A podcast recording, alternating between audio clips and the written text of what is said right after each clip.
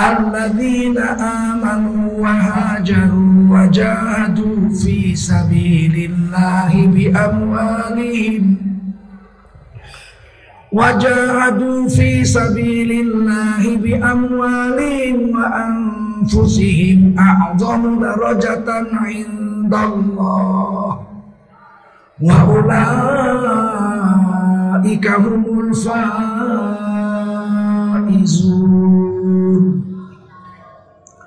Qala Rasulullah sallallahu alaihi wasallam man kharaja fi talabil ilmi fahuwa fi sabilillah hatta yurji. Baginda Rasul bersabda, siapa keluar untuk mendapatkan ilmu, orang itu adalah orang yang berjihad fi sabilillah sampai dia kembali ke tempatnya. Mudah-mudahan kita semua mendapatkan pahala jihad dari Allah Subhanahu wa taala. Amin. Sadaqallahul azim. Wa sadaqa rasuluhul nabiyul karim. Wa nahnu ala dhalika minasyahidin wa syakirin. Walhamdulillahi rabbil alamin. Yang mulia Tuan Guru kita Asy-Syeikh Muhib At-Tabari Kiai Haji Pimpinan Pondok Pesantren Nikmatullah Kapung Mudah-mudahan dipanjangkan Allah umurnya. Diberikan Allah penuh barokah dan rahmat dalam kehidupan beliau. Pewakif pesantren Nikmatullah apa Kiai Haji Fakhrul Razi. Mudah-mudahan Allah rahmati sekeluarga beliau sampai hari kiamat para ulama, tuan-tuan guru yang berhadir yang dimuliakan Allah SWT. Bapak kepala desa, para umaro yang berhadir, Babin, Babinsa, dan Babin Kaptitnas dari Polsek Tapung yang dimuliakan Allah SWT. Tokoh adat, lembaga adat Melayu Riau, para datuk Datuk Bandaharo yang hari ini dengan senang hati hadir dalam acara yang mulia ini. Mudah-mudahan Allah rahmati orang tua kita. Bapak-bapak, ibu-ibu, tokoh adat, tokoh masyarakat, wali santri yang dimuliakan Allah SWT, khususnya anak-anakku para santri dan santriwati. Di pundak kamulah tanggung jawab untuk melanjutkan perjuangan agama di negeri ini. Agar negeri ini segera wujud menjadi negara kesatuan Republik Indonesia yang baldatun toyibatun warabbun Tanggung jawab yang kami pikul sebentar lagi akan berakhir. Sebab kami sudah tua. Satu hari kami akan kembali menghadap Allah SWT. Tapi perjuangan menegakkan agama di negeri ini tidak boleh berhenti. Itulah cita-cita kemerdekaan Republik Indonesia.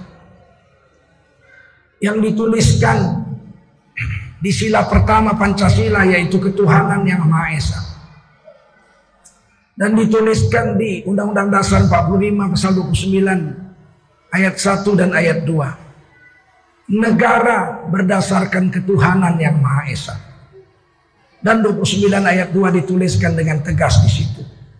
Negara menjamin tiap-tiap warga negara untuk memeluk agama garis miring kepercayaan dan menjalankan agama garis miring kepercayaannya masing-masing. Dari keterangan Pancasila dan Undang-Undang 45 ini dengan tegas dinyatakan Negara Kesatuan Republik Indonesia ini berdasarkan ketuhanan yang Maha Esa. Tidak boleh ada paham komunis, ateis, leninisme, dan paham-paham anti agama. Tak boleh hidup di negeri ini. Terutama partai komunis. Komunis sudah dua kali mengkhianati negeri ini. Sekali tahun 1948, Muso pimpinannya namanya, membunuh para santri dan ulama-ulama sejawa timur di Madiun. Akhirnya dibasmi oleh Bung Karno dengan mengerahkan TNI. Bersih, tidak ada yang hidup mati semua. Kemudian Bung Karno mengeluarkan surat PKI adalah partai terlarang di Indonesia. Tahun 48, 49, 50, 51, 52, 5 tahun. PKI menjadi partai terlarang zaman Bung Karno, Orde Lama. Dengar baik.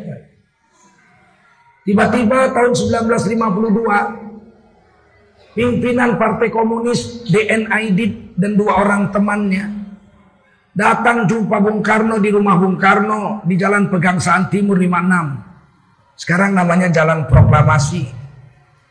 Rumah itu hadiah dari seorang saudagar Arab yang kaya. Nanya, namanya Faroj Martak. Diberikan kepada Bung Karno karena Bung Karno jadi presiden miskin, nggak punya rumah. Selama hidupnya beliau itu dibuang sama Belanda. Ke Digul, ke Bengkulu, dibuang. Ke Ende. Sehingga beliau nggak punya rumah. Jadi presiden tapi nggak punya rumah. Diberi hadiah sebuah rumah.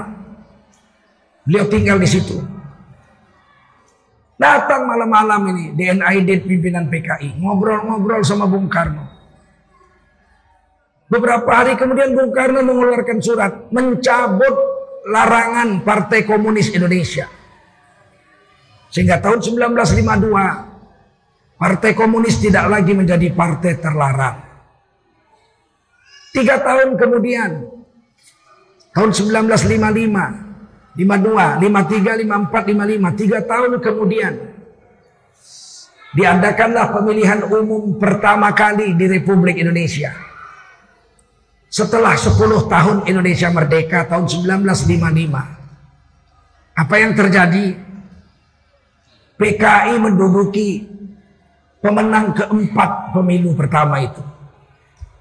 Pemilu pertama Partai Nasional Indonesia PNI pimpinan Bung Karno mendapatkan 58 kursi konstituante. Masyumi Majelis Syuro Indonesia Partai Islam yang didirikan oleh Kongres Umat Islam pertama di Yogyakarta. Tiga minggu setelah Indonesia merdeka pada tanggal 7 sampai 9 September 1945 Kongres Umat Islam pertama di Yogyakarta di bawah pimpinan Kiai Haji Hashim Ash'ari rahimahullah taala pendiri Nahdlatul Ulama, pendiri NU. Berhasil membentuk dan mendirikan Partai Majelis Syuro Indonesia yang disebut Partai Masyumi dan diikrarkan pada Kongres Umat Islam pertama tidak boleh ada partai Islam lain selain Masyumi di Indonesia. Sayang, pemilu baru digelar 10 tahun kemudian. Tahun 1955 karena Republik Indonesia tidak ada uang. Negara kita miskin baru merdeka. Banyak pengkhianat pula. Tahun 48 PKI sudah mengkhianat. Baru tiga tahun merdeka.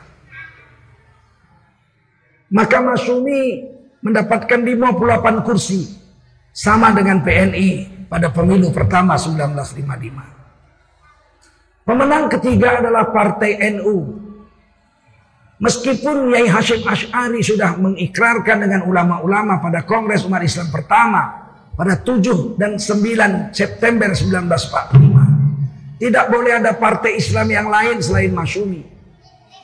Tetapi pada tahun 1954-55 menjelang pemilu, Bung Karno naik haji pimpinan-pimpinan PKI, Subandrio segala macam naik haji. Pimpinan-pimpinan NU juga naik haji. Entah apalah lobby Bung Karno di perjalanan haji itu di Mekah Madinah sana, di Arafah. Pulang dari haji, NU keluar dari Masyumi dan NU membuat partai sendiri, partai NU. Dapat 30 kursi pemenang ketiga. Pemenang keempat adalah PKI yang sudah memberontak tahun 1948 dibasmi bersih sampai akar-akarnya mati semua. Lima tahun menjadi partai terlarang. Dicabut oleh Bung Karno pada tahun 1952. Tiga tahun kemudian pemilu pertama digelar. PKI berhasil merebut 28 kursi. Pemenang keempat, dua kursi saja berbeda dengan partai NU. Ini supaya anak-anakku tahu ini bulan September ini peringatan PKI sebentar lagi ini 30 September. Yang sudah tidak diperingati lagi di negara ini sudah mulai sejak tahun lalu. Negara tidak lagi memperingati pengkhianatan PKI.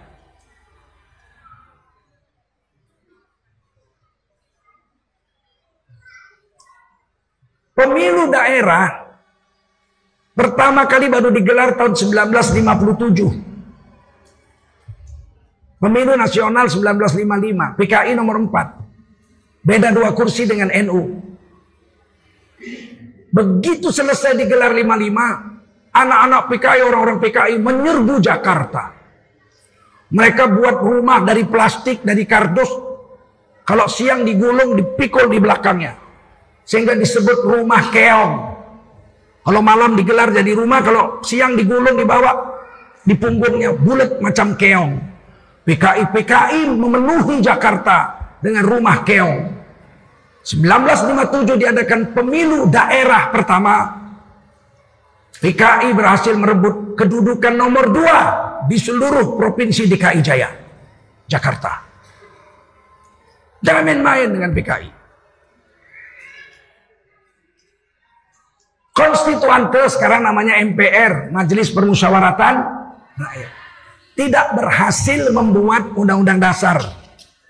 Sebab undang-undang dasar 1945 itu awalnya dibuat oleh Panitia Persiapan Kemerdekaan Indonesia. Sembilan orang. Di situ ada Bung Karno, di situ ada Bung Hatta, di situ ada Wahid Hashim Ash'ari, bapaknya Gus Dur. Di situ ada Ki Bagus Hadikusumo dari Muhammadiyah. Di situ ada pendiri Taman Siswa Ki Hajar Dewantoro mewakili aliran kepercayaan. Di situ ada Dr. Maramis mewakili Kristen dari Indonesia Timur. Mereka membuat Undang-Undang Dasar 1945 yang diumumkan pada tanggal 18 Agustus 1945 sehari setelah Indonesia merdeka. Tapi Undang-Undang Dasar 45 ini dianggap sementara saja. Sampai diadakan pemilu 19 pemilu pertama nanti konstituante MPR akan membuat undang-undang dasar baru. Ternyata tidak berhasil karena selalu diveto Masumi membuat undang-undang dasar negara Islam Indonesia diveto sama PKI nggak cukup korum Ketika PNI membuat diveto oleh NU, diveto oleh Masumi nggak jadi. PNI dengan Masumi berkoalisi bikin undang-undang dasar diveto oleh NU dan PKI nggak jadi. Akhirnya empat tahun konstituante bersidang tidak berhasil membuat undang-undang dasar yang baru untuk negara Indonesia. Tetapi pada tahun 1959 sudah disepakati bahwa bulan Maret tahun 1960 batas akhir daripada MPR atau konstituante itu sudah disepakati 11 poin yang akan bersidang nanti pada Maret 1960. Namun Bung Karno tidak sabar. Bung Karno merasa sudah membiayai konstituante 4 tahun, undang-undang dasar nggak jadi juga. Maka Bung Karno mengeluarkan dekrit presiden pada tanggal 5 Juli 1959, Bung Karno membubarkan konstituante. Sehingga MPR bubar, nggak ada lagi. Jadilah Bung Karno presiden sendirian. Presiden tanpa wakil karena Muhammad Hatta mengundurkan diri. Presiden tanpa MPR karena MPR dibubarkan oleh Bung Karno. Pada tahun 1960, Bung Karno membuat kebijaksanaan nasionalis, agama, dan komunis. Ulangi semua, biar jangan lupa. nasionalis semua, agama dan komunis, disingkat Nasakom. Hmm. Dari nasionalis diwakili oleh Partai PNI, pimpinan Bung Karno. Dari agama diwakili oleh Partai NU, karena Masumi tidak mau menolak Masumi, tidak mau bergabung dengan PKI. Dari komunis diwakili oleh Partai Komunis Indonesia. Jadilah Nasakom. Dan Bung Karno pidato di PBB. Nasionalis dengan komunis di mana-mana di seluruh dunia berperang. Tapi di meja makan Bung Karno, nasionalis, agama, dan komunis bersatu padu. Ini kebanggaan Bung Karno tahun 1960. Masumi keluar tidak mau ikut dengan komunis. Tahun 1960 Bung Karno membubarkan Masumi. Masumi dibubarkan oleh Bung Karno. Dan ulama-ulama, ulama-ulama yang ada di Masumi di penjara. Buya Hamka di penjara, ketuanya Muhammad Nasir di penjara, Sultan Syahrir di penjara, Kiai Haji Ansori di penjara, Ghazali Hasan di penjara, di penjara semua. Tahun 1960, pendiri PKI salah satunya namanya Tan Malaka orang awak, Ciko Kumbuh. Keluar dari PKI, karena nggak cocok dengan PKI. Padahal beliau pendiri PKI.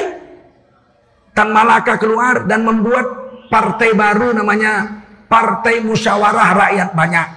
Disingkat Partai Murba. Tan Malaka mendirikan Partai Murba dengan Adam Malik yang belakangan nanti jadi wakil presiden Republik Indonesia. Dengan Khairus Saleh bertiga ini. Tan Malaka ada Malik Khairus Soleh. Khairus Soleh ini yang menculik Bung Karno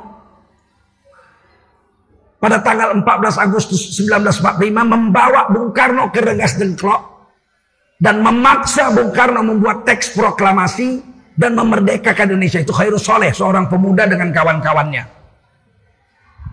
Beliau ini mendirikan Partai Murba.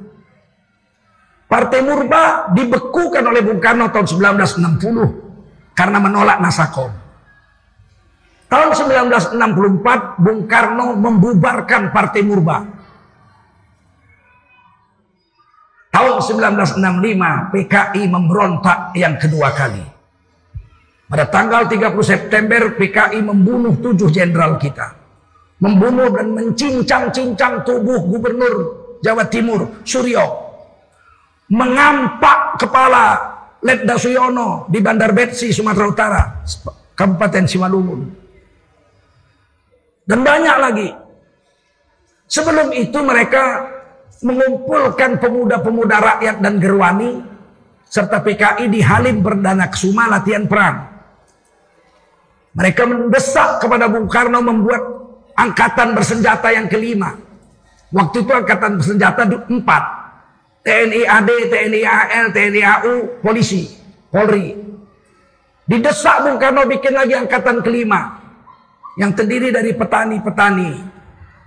Sehingga di Jakarta ada patung tugu petani tapi bukan memikul cangkol, pacul, tapi memikul senapang panjang. Mereka memberontak, jenderal-jenderal kita dibunuh, disiksa, dimasukkan ke lubang buaya di Kalibata. Markas TNI AU Halim beranak semua.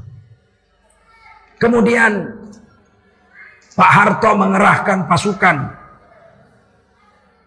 Arpekat, sekarang namanya Kopassus, di bawah pimpinan Kolonel Sarwedi, untuk mematahkan pemberontakan PKI yang ada di Halim Perdana Kesuma. Karena satu-satunya jenderal yang hidup waktu itu Pak Harto. Yang lain mati semua. Jenderal Nasution selamat tapi anaknya adik Irma Suryani Nasution kena tembak mati. Nasution kena tembak pahanya loncat pagar belakang rumah melarikan diri. Selamat dari pembunuhan PKI. Belakangan Jenderal Nasution jadi ketua MPRS tahun 1966. Nah tinggal Pak Harto sendiri. Waktu itu beliau pangkostrat, panglima, komando, cadangan strategis. Tidak punya pasukan apa-apa. Cuman punya dua ajudan, satu supir, satu tukang ketik. Jabatan buangan waktu itu tidak tidak ada apa-apanya kostrat waktu itu. Sehingga Pak Harto minta bantuan kepada Sarwaedi. Beliau punya tiga kompi pasukan RPK yang sekarang namanya Kopassus. Beliau lah yang membersihkan PKI di Halim Perdana Kesuma. Kemudian pembersihan PKI seluruh Indonesia, Pak Harto mendapat bantuan dari HR Darsono, Mayor Jenderal HR Darsono, yang merupakan Panglima Siliwangi Jawa Barat waktu itu. Bung Karno menolak membubarkan PKI.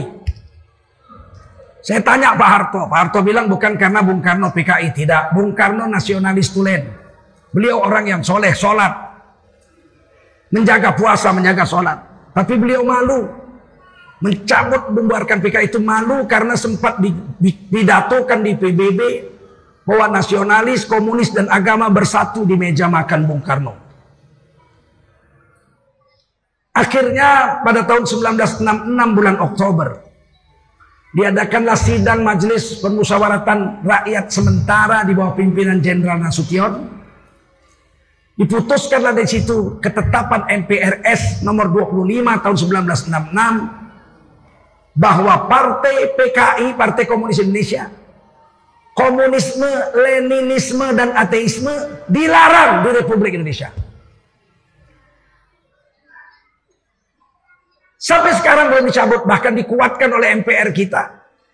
Pada tahun 2007, PKI, ateisme, leninisme, komunisme dilarang di Republik Indonesia. Meskipun ada beberapa anggota PDI yang minta dicabut ini. Tap MPRS tentang pelarangan PKI. Tapi MPR kita sampai sekarang belum mencabutnya. Bahkan memperkuat larangan PKI. Komunisme, ateisme, dan leninisme itu. Alhamdulillah. Pada tahun 1966 pidato pertanggungjawaban Presiden Soekarno ditolak. Judulnya Nawaksara. Ditolak oleh MPRS. Maka diperbaiki lagi. Beberapa minggu, seminggu kalau nggak salah diperbaiki. Kemudian dibacakan lagi pertanggungjawabannya Nawaksara 2. Ditolak oleh seluruh anggota MPRS secara bulat. Maka secara hukum Bung Karno harus berhenti jadi presiden. Sama dengan Pak Habibie. Pak Habibie itu pidato pertanggungjawaban kenegaraan yang dibacakan Pak Habibie tahun 1999 itu ditolak oleh MPR. Golkar menerima dengan catatan berarti menolak juga.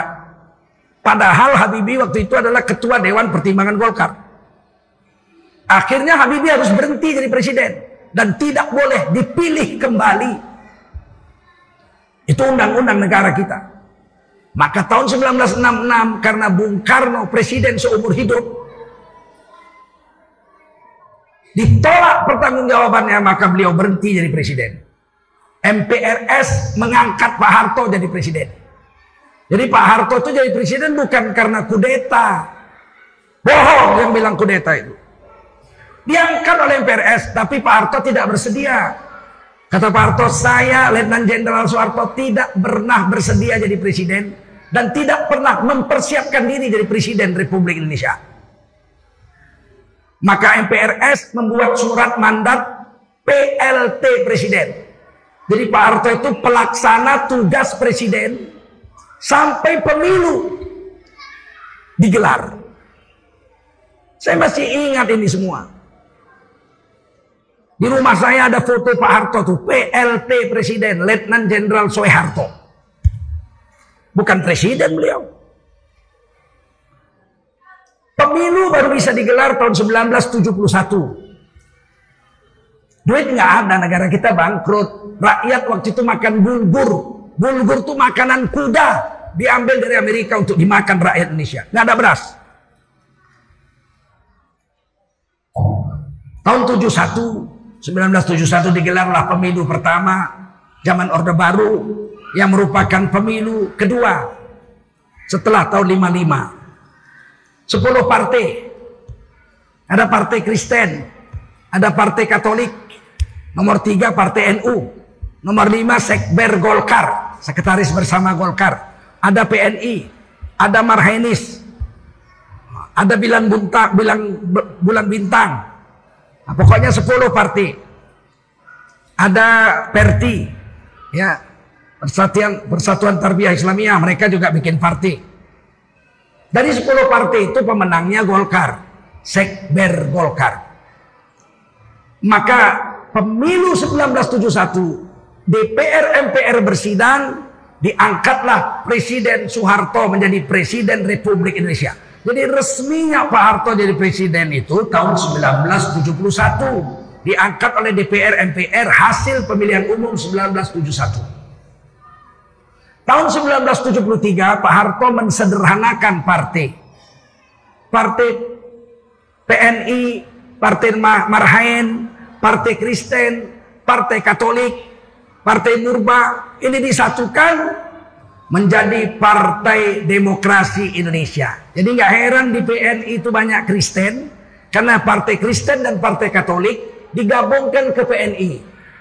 Sedangkan Partai NU partai Parmusi, partai Perti, partai-partai yang bau-bau Islam ini disatukan menjadi Partai Persatuan Pembangunan P3.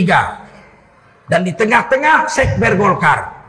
Sehingga tahun 77 pemilu kedua, partai tinggal tiga. PNI yang berubah nama menjadi PDI. Kemudian P3, P3 nomor satu, PDI nomor Tiga, nomor dua adalah Partai Golkar. Sampai terjadinya reformasi. Kenapa saya ceritakan ini? Sebab ini bulan September. Saya minta kepada Pak Kiai Muhib putar film PKI di pesantren ini. Siap. Suruh ini anak-anak santri ini menonton film PKI ini. Siap. Biar kalian lihat bagaimana kekejaman PKI. Ketika Panglima TNI-nya masih Jenderal Gatot Nurmantio, beliau masih mewajibkan diputarnya film-film PKI.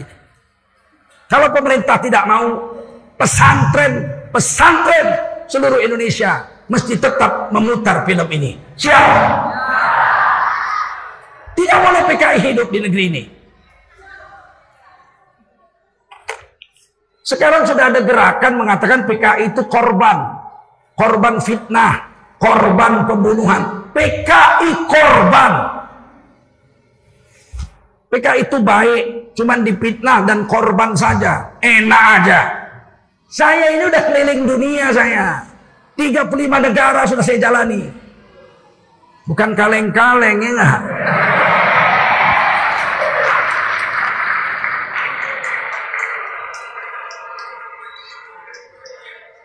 Komunis di Cina membunuh puluhan juta orang. Komunis di Uni Soviet membunuh puluhan juta orang. Komunis di Albania membunuh jutaan orang. Komunis di Bangladesh membunuh ribuan orang. Di zaman modern, saya datang ke Kamboja. Dakwah ke Kamboja. Kamboja itu tiga suku besar. Suku Lao sebelah utara.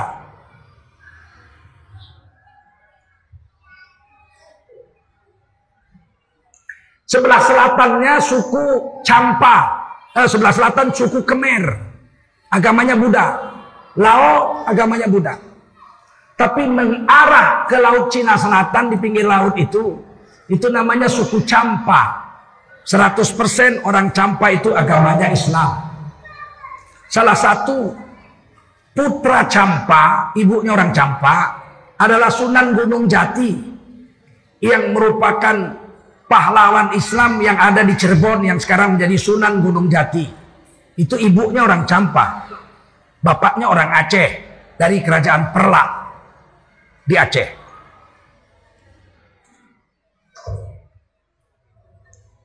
Waktu saya ke sana PKI eh, komunis sedang bergolak. Seorang guru mukanya culun. Membuat pasukan kelima Barisan petani dikasih senjata. Namanya Pol Pot. Apa namanya? Siapa namanya? Pol Pot. Kalau kalian lihat di internet wajahnya culun. Tapi bunuh 3 juta orang. Komunis, kemer merah. Dibilang merah karena komunis. 3 juta orang dibunuh. Waktu saya ke Kamboja, saya tulis surat kepada ibu saya. Mohon maaf lahir batin, macam-macam lah. Karena kalau masuk Kamboja, kalau jumpa komunis ditembak mati. Saya pesan sama kawan-kawan di Thailand, kalau saya mati dibunuh komunis dalam dakwah ini, sampaikan salam kepada ibu saya, katakan saya mati tabrakan. Katakan saya mati kecelakaan saja. Jangan bilang saya mati ditembak PKI komunis. Tapi ada surat saya tulis untuk ibu saya. Sampaikan surat ini kalau saya mati saja. Maka masuk ke Kamboja. Saya tidak jumpa orang sebaya saya waktu itu. Kalau nggak tua umur 80, 90, kecil umur 6, 7 tahun saja. Quran tidak ada, semua Quran dibakar. Semua ulama disembelih. Begitu masuk saya, saya jumpai ada 700 ribu orang Islam campa yang dibunuh dari 3 juta orang Kamboja yang dibunuh Pol Pot Khmer Merah. Di kampung-kampung saya masuk tidak jumpa laki-laki. Kalau nggak anak kecil umur 7 tahun, 6 tahun, jumpa kakek-kakek 90 tahun, 80 tahun. Sebab yang sebaik saya pasti dibunuh. Kami dengan kawan-kawan dari Malaysia waktu itu ditawarkan kawin Kawinilah kami ratusan ribu janda. Saya bilang saya nggak bisa, saya pegawai negeri, gaji saya sedikit. Nanti saya kawin nggak bisa balik lagi, punya anak kasihan kamu. Saya nggak mau. Tapi kawan-kawan saya semua kawin tiga, tiga, tiga, tiga semua masuk. Kesempatan lah ya enggak. Janda semua. Cantik-cantik, putih-putih kayak saya ini. Nah ada orang campai hitam macam klien.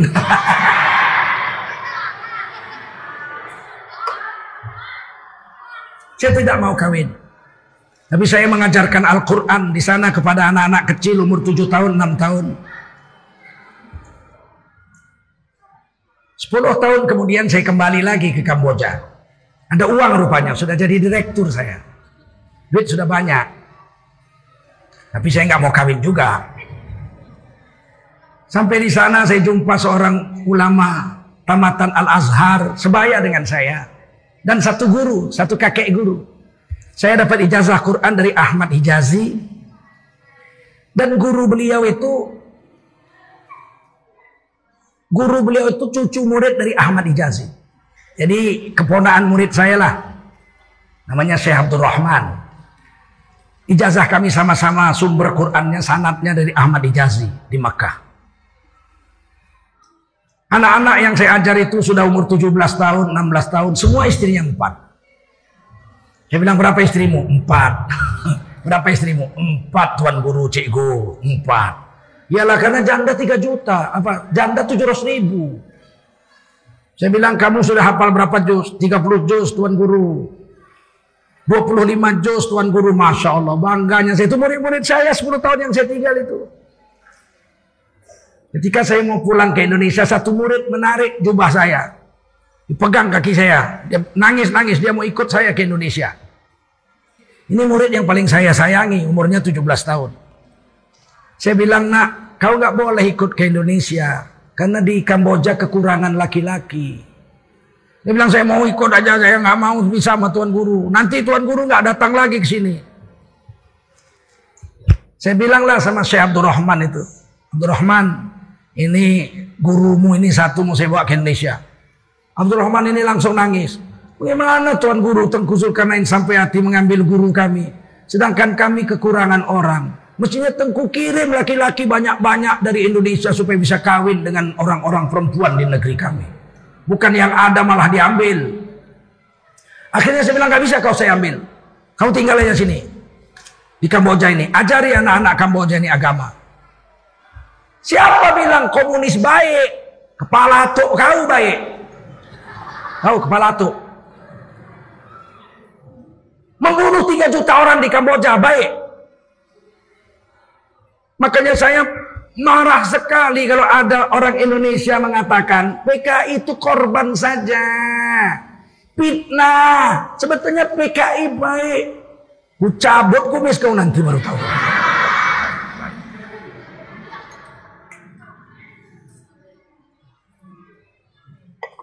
Saya cerita ini supaya anak-anak muda kami ini jangan tertipu. Kalau kalian ada uang, bentuk jemaah dari pesantren Nikmatullah ini. Berangkatkan ke Kamboja. Sana banyak pesantren-pesantren. Bisa kita tulis surat pakai internet. Biar anak ini, ini dua minggu di sana belajar sana, mengajar di sana. Biar tahu sejarah komunis kejamnya macam mana di Kamboja. Yang telah membunuh tiga juta orang. Ada satu kampung Islam itu di mortir selama seminggu, nggak berhenti berhenti. Anak bayi pun tak ada yang hidup, mati semua. Sepuluh tahun kemudian saya datang ke sana, belum tumbuh rumput di kampung yang dimortir oleh tentara komunis selama tujuh hari itu. Belum tumbuh rumput. Saking ngerinya mesiu-mesiu yang dibuang di situ. Tidak ada satu pun orang di kampung itu yang hidup. Bayi-bayinya pun mati semua. Bila perlu kita bentuk jemaah ini Tuan Syekh. Ya enggak? Kita bawa anak-anak kita ini yang senior-senior. 30 orang, 20 orang. Bawa ke Kamboja. Enggak mahal kok. Dari sini lewat Thailand. Murah. Dari sini kita pergi ke Malaysia. Dari Malaysia naik bus Thailand. Thailand Selatan. Kemudian naik kapal, apa naik kereta api ke Bangkok. Dari Bangkok baru kita pergi ke Kamboja. Kalau naik kapal terbang dari sini ada sudah langsung ke Kamboja. Ada. Berangkat dari Kuala Lumpur Kamboja ada. Dari Jakarta Kamboja ada langsung. Agar kita tidak lagi mengalami penderitaan yang sama dengan komunis-komunis kejam yang membunuhi orang-orang Islam. Nah ini sekarang mukaddimah nih biar kalian sadar. Insya Allah ya. PKI baik apa jahat? Baik apa jahat? Hmm. Saya bertanggung jawab dengan ceramah ini di akhirat. Bertanggung jawab saya di hadapan Allah di akhirat dengan ceramah ini. Tidak ada fitnah di sini. Bapak saya itu nomor satu mau dibunuh oleh PKI. Di Sumatera Utara, di Medan. Daftar membunuhnya itu yang mau membunuh saya sekeluarga itu Hansip yang setiap hari makan di meja makan bapak saya. Yang menggendong-gendong saya waktu kecil. Ditugaskan untuk menyembelih kami sekeluarga. Di belakang rumah sudah dibikin lubang letter L. Alasannya untuk menangkal serangan udara Malaysia. Karena kita konfrontasi dengan Malaysia. Padahal sebetulnya untuk menanam tokoh-tokoh Islam di belakang rumahnya udah dibikinkan lubang tinggal masukkan saja. Dahsyat PKI ini, jangan main-main.